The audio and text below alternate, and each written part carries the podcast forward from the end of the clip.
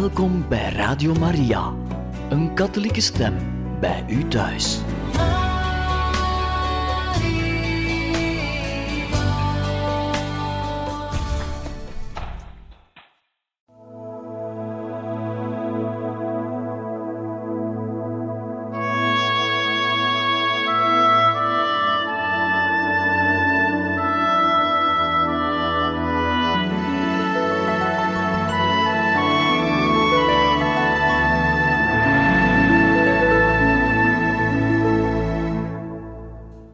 Harte welkom, beste luisteraars van Radio Maria, bij het programma Heiligen Getuigen, waar wij u verder voorlezen uit het boek Herinneringen van zuster Lucia. Ondertussen zijn we aangekomen aan de derde herinnering. En als we even kijken naar een uh, korte inleiding, dan zien we dat we de twee eerste herinneringen de vrucht was van de suggesties van de bisschop van Leria en van Pater Fonseca. En ook deze keer, in de derde herinnering, ligt het initiatief niet bij Lucia. Het boek Jacinta had van mei tot oktober 1938 twee edities. En bij het naderen van het jubileumjaar 1942 dacht men over een nieuwe uitgave. En weer dacht men dat Lucia een beslissende bijdrage zou kunnen leveren. De bisschop kondigde Lucia het bezoek aan van dokter Galamba. Deze wilde haar nog enige vragen stellen over het leven van Jacinta. Lucia begreep heel goed dat, om een verklaring te geven van wat had plaatsgegrepen in het geestelijk leven van Jacinta, het noodzakelijk was nu de twee eerste delen van het geheim van juni 1917 mee te delen. Zij ziet in dat het dus noodzakelijk is om alvorens haar herinneringen over Jacinta aan te vullen, eerst te handelen over de twee eerste delen van het geheim. Hoogwaardige excellentie. In gehoorzaamheid aan de opdracht die Uwe Excellentie me geeft in de brief van 26 juli 1941, om namelijk na te denken en op te schrijven wat ik me eventueel verder nog over Jacinta kan herinneren, ben ik van mening en schijnt het me toe dat God heeft gesproken in deze opdracht en dat het moment aangebroken is om het antwoord te geven op twee vragen die me dikwijls gesteld zijn en waarop ik het antwoord heb uitgesteld. Het komt me voor dat het God en het onbevlekt hart van Maria behagen zal in het boek van Jacinta een hoofdstuk in te lassen over de hel en een ander over het onbevlekt hart van Maria. Uwe excellentie zal die mening zeker vreemd en ongelegen vinden, maar ze komt niet van mij. En God zal uwe excellentie tonen dat zijn glorie en het heil van de zielen ermee gebaat zijn.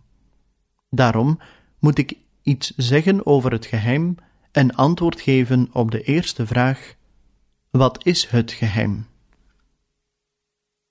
Het lijkt me dat ik het mag meedelen, omdat de hemel me nu toestemming gegeven heeft.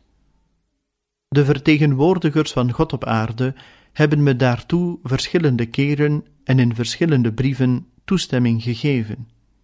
Ik meen dat Uwe Excellentie er één, die van de heer Pater José Bernardo Gonçalves, bewaart, waarin hij me vraagt aan de Heilige Vader te schrijven. Een van de punten die hij aanduidt is de openbaring van het geheim. Iets heb ik meegedeeld, maar om in een geschrift dat kort moest zijn, niet al te zeer uit te wijden, heb ik me tot het allernoodzakelijkste beperkt, aan God het moment overlatend van een gunstiger gelegenheid. Ik heb al in mijn tweede geschrift de twijfel beschreven die me vanaf 13 juni tot 13 juli gekweld heeft en dat bij die verschijning alles van me afviel. Welnu, het geheim bestaat uit drie onderscheiden delen. Twee ervan ga ik nu openbaren. Het eerste dan was de aanblik van de hel. Onze lieve vrouw toonde ons een grote vuurzee die onder de aarde leek en in dat vuur ondergedompeld de duivels en de zielen alsof het transparante, zwarte en donkerbruine gloeiende kolen waren met menselijke vormen, die dreven in die vuurgloed. Ze werden nu eens opgeheven door de vlammen die uit hun opstegen samen met wolken van rook, dan weer vielen zij naar alle zijden neer, zoals vonken bij grote branden, zonder gewicht of houvast. Dit alles onder kreten en zuchten van pijn en wanhoop, hetgeen ons deed huiveren en rillen van ontzetting. De duivels onderscheiden zich van de zielen door hun afschuwelijke, weerzinwekkende vormen, van onbekende, schrikaanjagende dieren. Ze waren transparant en zwart. Dit gezicht duurde maar een ogenblik, en gelukkig maar dat onze goede moeder in de hemel ons reeds had gerustgesteld met de belofte ons in de hemel te brengen bij de eerste verschijning. Zonder dat, geloof ik, waren we gestorven van angst en ontzetting. Daarna verhieven we onze ogen naar onze lieve vrouw, die ons met goedheid en droefheid zei: Jullie hebben de hel gezien, waar de zielen van de arme zondaars heen gaan. Om ze te redden wil God de godsvrucht tot mijn onbevlekt hart in de wereld verbreiden. Als men doet wat ik jullie zeg, zullen er vele zielen gered worden en er zal vrede komen. De oorlog komt ten einde. Maar als men niet ophoudt God te beledigen, zal er tijdens het bestuur van Pius XII een tweede, nog ergere beginnen. Wanneer jullie zult aanschouwen een nacht, verlicht door een onbekend licht, weet dan dat dit het grote teken is dat God geeft dat Hij de wereld gaat straffen om zijn misdaden, door middel van oorlog, honger en vervolgingen van de kerk en van de Heilige Vader. Om dit te verhinderen, zal ik de toewijding van Rusland aan mijn onbevlekt hart en de eerherstellende communie op de eerste zaterdagen komen vragen. Als men gehoor zal geven aan mijn beden, zal Rusland zich bekeren en zal men vrede hebben. Zo niet, dan zal het zijn dwalingen over de wereld verspreiden, oorlogen en vervolgingen veroorzaken. De goede mensen zullen gemarteld worden. De Heilige Vader zal veel te lijden hebben. Verschillende naties zullen vernietigd worden. Ten slotte zal mijn onbevlekt hart triomferen. De Heilige Vader zal mij Rusland toewijden dat zich zal bekeren en er zal een zekere tijd vrede aan de wereld worden geschonken.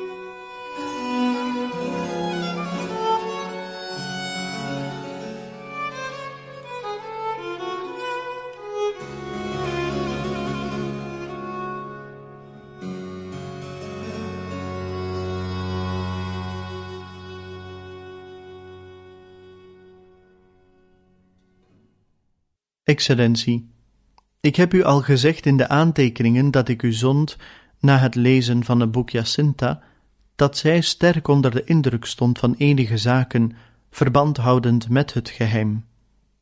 Inderdaad, zo was het. Het gezicht van de hel had zulke ontzetting in haar nagelaten, dat alle boetedoening en versterving haar niets toeschenen om toch maar enige zielen daarvoor te vrijwaren. Zo, nu kan ik antwoord geven op de tweede vraag, die men mij van verschillende kanten gesteld heeft. Hoe kwam het dat een zo kleine Jacinta in zulke mate begrip had en vervuld was van zo'n geest van versterving en boete? De reden lijkt me op de eerste plaats door een bijzondere genade, die God haar door de bemiddeling van het onbevlekt hart van Maria wilde schenken. Ten tweede, door de aanblik van de hel en de vreselijke toestand van de zielen die daarin terechtkomen. Sommige mensen, zelfs vrome, willen hun kinderen niet spreken over de hel om ze niet bang te maken. Maar God heeft niet geaarzeld om ze te tonen aan drie kinderen, waarvan één van slechts zeven jaar. En toch wist hij dat zij zodanig ontzet zouden zijn dat ze, ik zou haast zeggen, bijna van schrik stierven. Jacinta ging vaak peinzend op een steen of op de grond zitten en zei: O die hel, die hel, wat heb ik een leed om de zielen die naar de hel gaan, en die mensen daarin, die als stukken hout levend branden in het vuur. En met bevende stem bad ze, geknield en met gevouwen handen, het gebed dat onze lieve vrouw ons geleerd had.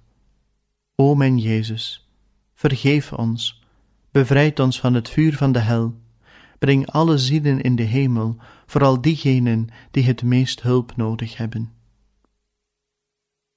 Nu zal uwe excellentie wel begrijpen waarom de laatste woorden van dat gebed, volgens mij, betrekking hadden op de zielen die zich in groter gevaar bevinden of korter bij hun verdoemenis. Jacinta bleef zo gedurende grote tijdsruimten geknield hetzelfde gebed herhalen. Van tijd tot tijd riep zo op mij of op haar broer, alsof ze uit een droom ontwaakte. Francisco, Francisco, zijn jullie met me mee aan het bidden? We moeten veel bidden, om de zieden van de hel te vrijwaren. Er gaan daar toch zoveel heen, zoveel. Andere keren vroeg ze: Waarom toont onze lieve vrouw de hel niet aan de zondaars? Als ze die zouden zien, dan zouden ze wel niet meer zondigen om er niet in te komen. Je moet aan die dame zeggen dat ze aan de mensen de hel moet laten zien. En ze doelde op de mensen in de Covarairia tijdens de verschijning. Je zult eens zien hoe ze zich bekeren. Daarna vroeg ze me, half ontevreden, Waarom heb je aan onze lieve vrouw niet gezegd dat ze de hel zou laten zien aan die mensen? Ik heb het vergeten, antwoordde ik. Ja, ik heb er zelf ook niet aan gedacht, zei ze met een trieste uitdrukking. Soms ook vroeg ze: Wat voor zonden doen die mensen dat ze in de hel komen? Ik weet het niet. Misschien de zonde zondags niet de heilige mis bij te wonen? Te stelen? Vieze woorden te zeggen? Te vloeken? Te zweren? En gaan ze dan voor één enkel woord naar de hel? Ja, het is zonde. Waarom toch zwijgen ze niet? En waarom gaan ze niet naar de mis? Wat doen me de zondaars toch leed? Kon ik ze maar de hel tonen? Soms klemde ze zich plotseling aan mij vast en zei: Ik ga naar de hemel, maar jij die hier blijft, als onze lieve vrouw je laat, jij moet aan alle mensen zeggen hoe de hel eruit ziet, opdat ze geen zonde meer doen en er niet in komen. Andere keren weer zei ze na een poosje nadenken: Dat er toch zoveel mensen naar de hel gaan, zoveel in de hel zijn. Om haar gerust te stellen, zei ik: Jij hoeft geen angst te hebben, jij gaat naar de hemel. Jawel, ik kom er, zei ze rustig. Maar ik wou dat ook al die mensen erin kwamen. Wanneer zij uit versterving niet wilde eten, zei ik: Jacinta, kom aan, eet nu. Nee, ik breng dit offer voor de zondaars die te veel eten. Toen zij, al ziek, op zekere dag naar de mis wilde gaan, zei ik: Jacinta, ga niet, je kunt niet. Vandaag is het geen zondag. Dat doet niets. Ik ga in plaats van de zondaars, die zelfs niet op zondag gaan. Als ze toevallig enige van die woorden hoorde, die sommige mensen het bravoure schijnen uit te spreken, bedekte ze haar gezicht met haar handen en zei: Mijn God, zouden die mensen niet weten dat ze voor zulke woorden naar de hel kunnen gaan? Mijn Jezus, vergeef het hun en bekeer ze. Ze weten beslist niet dat ze hierdoor God beledigen. Wat jammer, Jezus, ik bid voor hen. En dan herhaalde ze het gebed dat ons door onze lieve vrouw geleerd was. Op dit ogenblik, excellentie, schiet me nog een andere gedachte binnen. Men heeft me soms gevraagd of onze lieve vrouw bij een van haar verschijningen heeft aangeduid welk soort zonden God het meest beledigden. Het schijnt immers dat Jacinta in Lissabon gezegd heeft: die van het vlees. Het is mogelijk, zo denk ik er nu over, dat zij, omdat het een van de vragen was die ze mij soms stelde, op de gedachte gekomen is deze vraag in die saban aan onze lieve vrouw te stellen, en dat haar toen deze is genoemd. Wel nu, excellentie, het lijkt me dat ik hiermee voldoende het eerste gedeelte van het geheim heb meegedeeld. Het tweede gedeelte heeft betrekking op de godsvrucht tot het onbevlekt hart van Maria. In mijn tweede geschrift heb ik al gezegd dat onze lieve vrouw me op 13 juni 1917 gezegd had dat ze me nooit zou verlaten en dat haar onbevlekt hart mijn schuilplaats zou zijn en de weg die me naar God zou voeren en dat ze bij het zeggen van die woorden de handen opende terwijl ze in onze borst de straling deed doordringen, die van de handen uitging. Het komt me voor dat die straal op die dag als voornaamste doel had ons een bijzondere kennis en liefde voor het onbevlekt hart van Maria in te storten. Zo was, denk ik, de twee andere keren God zelf en het mysterie van de allerheiligste drievuldigheid bedoeld. Sinds die dag voelden we in ons hart een vuriger liefde voor het onbevlekt hart van Maria. Jacinta zei me van tijd tot tijd: Die dame heeft gezegd dat haar onbevlekt hart je toevlucht en de weg zal zijn die je naar God zal voeren. Vind je dat niet geweldig? Ik houd reuze veel van haar hart. Ze is zo goed. Toen zij ons in juli bij het geheim, zoals reeds gezegd, meedeelde dat God de godsvrucht tot haar onbevlekt hart in de wereld wilde verbreiden, en dat zij, om een toekomstige oorlog te vermijden, de toewijding van Rusland aan haar onbevlekt hart en de eerherstellende communie op de eerste zaterdagen kwam vragen, toen zei Jacinta, als we daarover met elkaar praten, wat jammer dat ik niet mag communiceren tot eerherstel van de zonden bedreven tegen het onbevlekt hart van Maria. Ook heb ik al verteld dat Jacinta tussen de rij van schietgebeden die Pater Kroes ons aanraadde, koos: Zoet hart van Maria, wees mijn redding. En soms, nadat ze het gezegd had, voegde ze er met die eenvoud die haar zo eigen was aan toe: Ik houd reuze veel van het onbevlekt hart van Maria. Het is het hart van onze moeder in de hemel. Vind jij het niet geweldig, fijn om vele malen te zeggen: zoet hart van Maria, onbevlekt hart van Maria? Ik doe het graag, heel graag. Soms, terwijl ze veldbloemen plukte, zong ze op een wijsje door haarzelf op dat ogenblik uitgevonden: Zoet hart van Maria, wees mijn heil, onbevlekt hart van Maria, bekeert de zondaars, bevrijdt de zielen van de hel.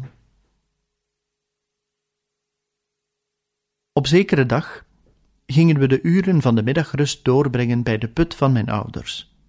Jacinta zette zich op de steenplaten van de put.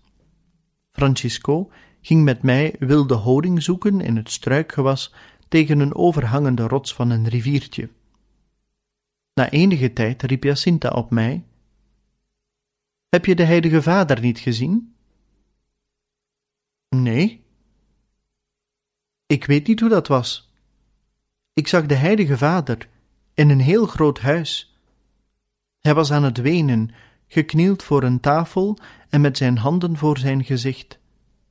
Buiten het huis stonden heel veel mensen, en sommigen wierpen stenen naar hem, anderen vloekten en zeiden allerlei schimpwoorden tegen hem.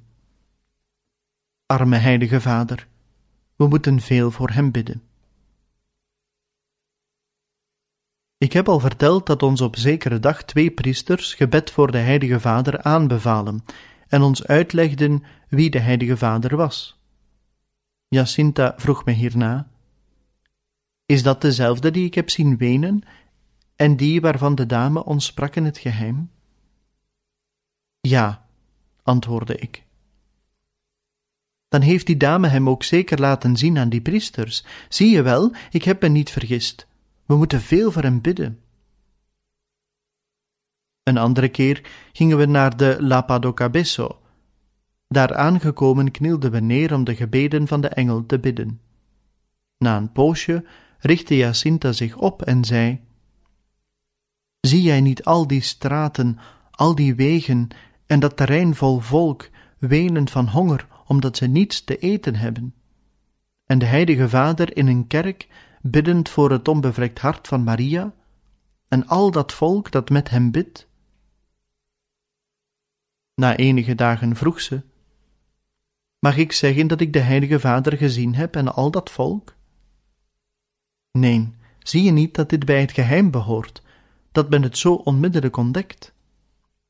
Goed, dan zeg ik niets.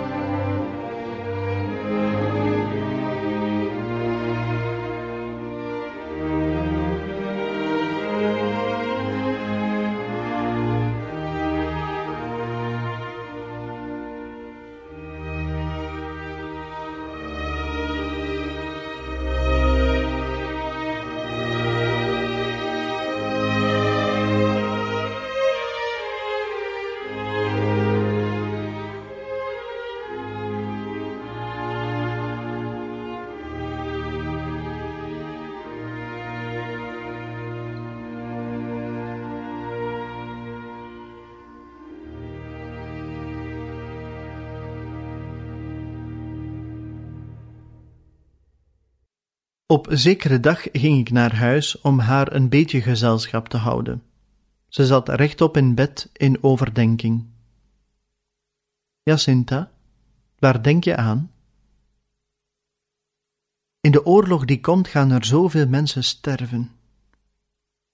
En bijna allen gaan naar de hel. Vele huizen worden met de bodem gelijk gemaakt, en vele priesters gedood. Ja, ik ga naar de hemel, en jij, wanneer je dat licht ziet waarvan de dame zei dat het van tevoren komt, vlucht dan ook daarheen. Weet je niet dat je niet naar de hemel kunt vluchten? Dat is waar, dat kan je niet, maar heb geen angst. In de hemel zal ik veel voor je bidden, en ook voor de Heilige Vader, voor Portugal, opdat de oorlog hier niet komt, en voor alle priesters.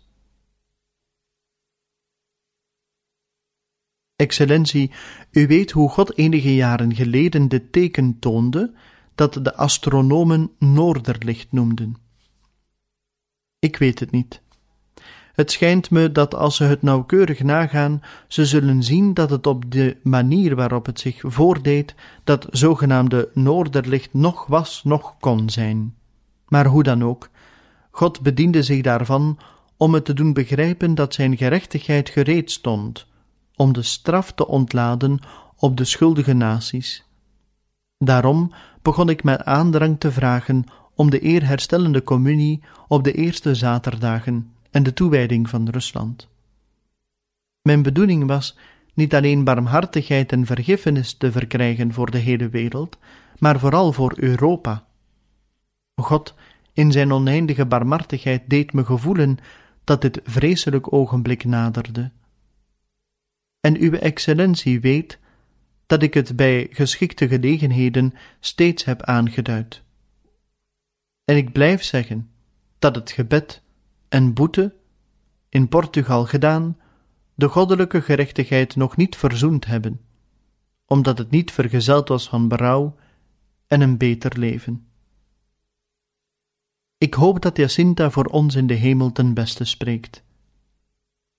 Ik heb al in mijn aantekeningen op het boek Jacinta gezegd dat zij zeer onder de indruk was van enige zaken die verband hielden met het geheim, bijvoorbeeld de aanblik van de hel, het ongeluk van zoveel mensen die daarin terechtkomen, de toekomstige oorlog waarvan ze de gruwel al voor zich zag.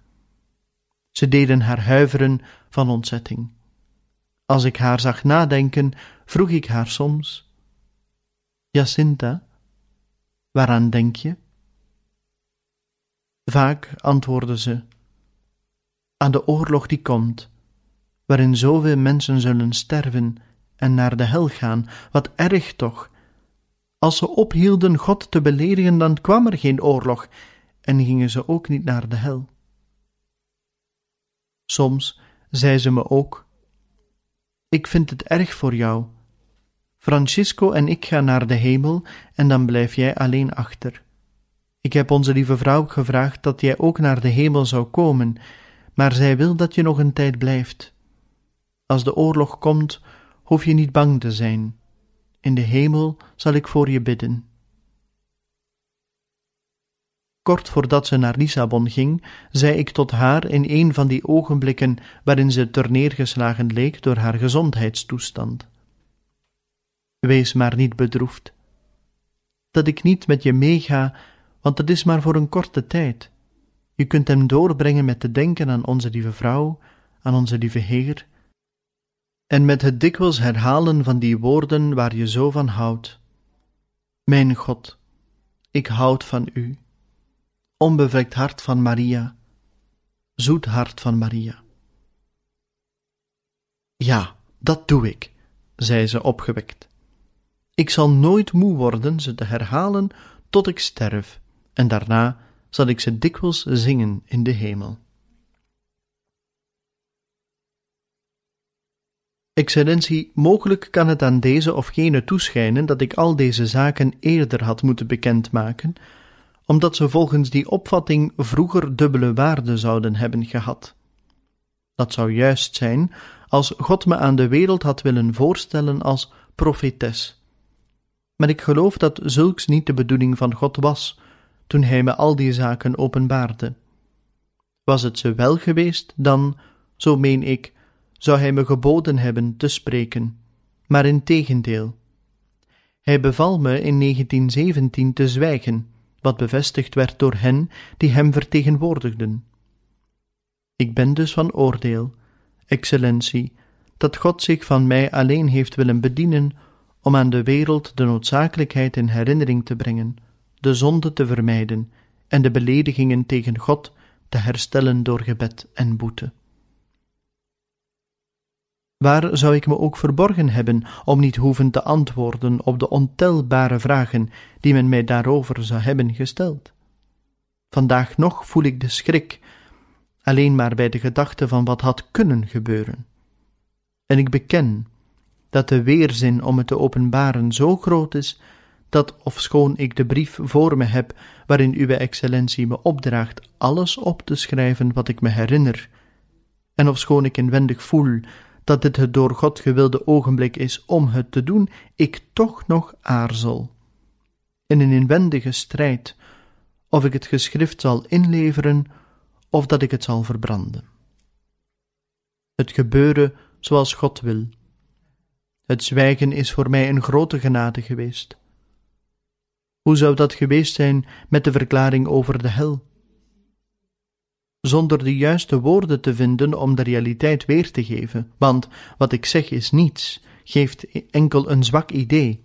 Zou ik nu eens dit, dan weer dat gezegd hebben, in een poging om me uit te drukken, maar zonder het helder te krijgen. Resultaat zou misschien geweest zijn een zodanige verwarring van ideeën dat ik, wie weet, het werk van God bedierf. Daarom dank ik God, en ik denk dat alles wat Hij doet goed is. God doet gewoonlijk zijn openbaringen vergezeld gaan van een intieme en nauwkeurige kennis van hun betekenis. Maar op dat gebied durf ik me niet te uiten, want het komt me voor dat hier gemakkelijk zelfbedrog door de eigen fantasie binnensluipt. Jacinta scheen die kennis in tamelijk hoge mate te bezitten. Kort voordat Jacinta naar het ziekenhuis ging, zei ze me: Het is nog maar kort om naar de hemel te gaan. Jij blijft hier om te zeggen dat God de godsvrucht tot het onbevlekt hart van Maria in de wereld wil verbreiden. Wanneer het zover is, ga je dan niet verstoppen.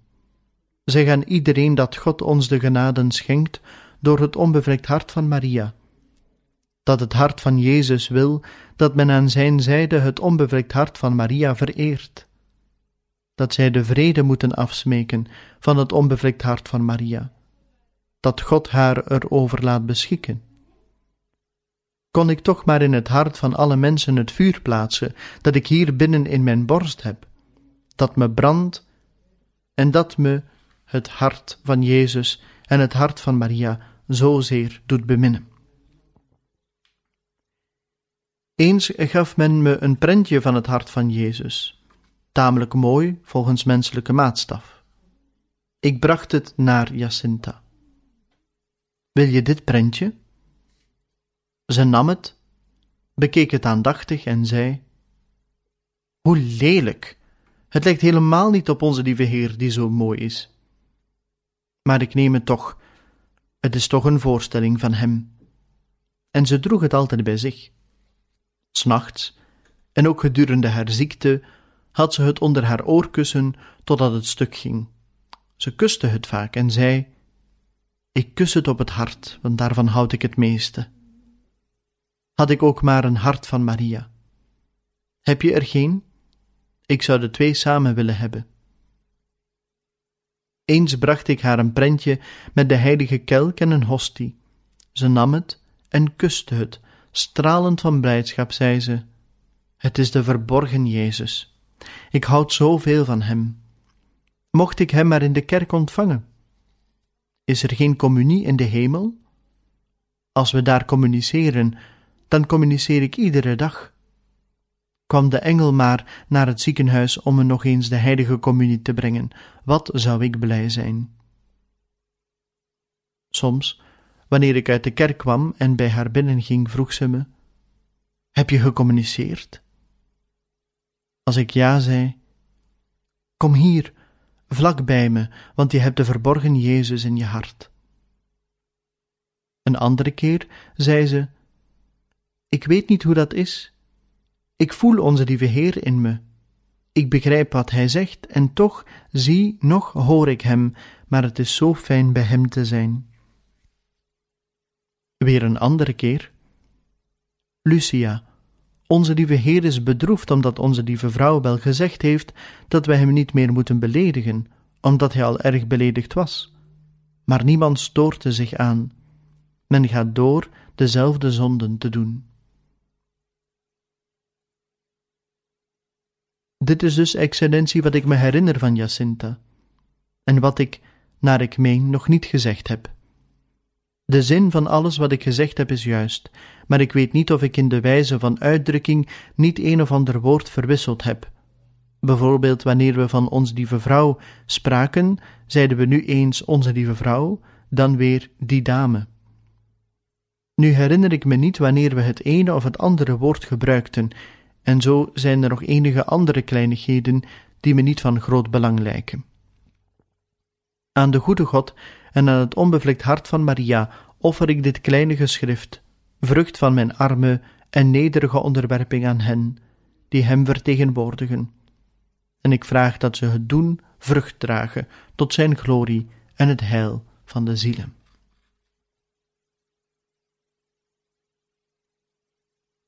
En zo, beste luisteraars van Radio Maria, zijn we aan het einde gekomen van deze aflevering van het programma Heiligen Getuigen en ook aan het einde al van de derde herinnering. Een volgende keer lezen we u verder voor uit het boek Herinneringen van zuster Lucia en zullen we kennis kunnen nemen van de vierde herinnering die neergeschreven werd door zuster Lucia. En dan hoop ik dat u er ook een volgende keer wenst bij te zijn. Van harte dank en nog een bijzonder fijne dag gewenst.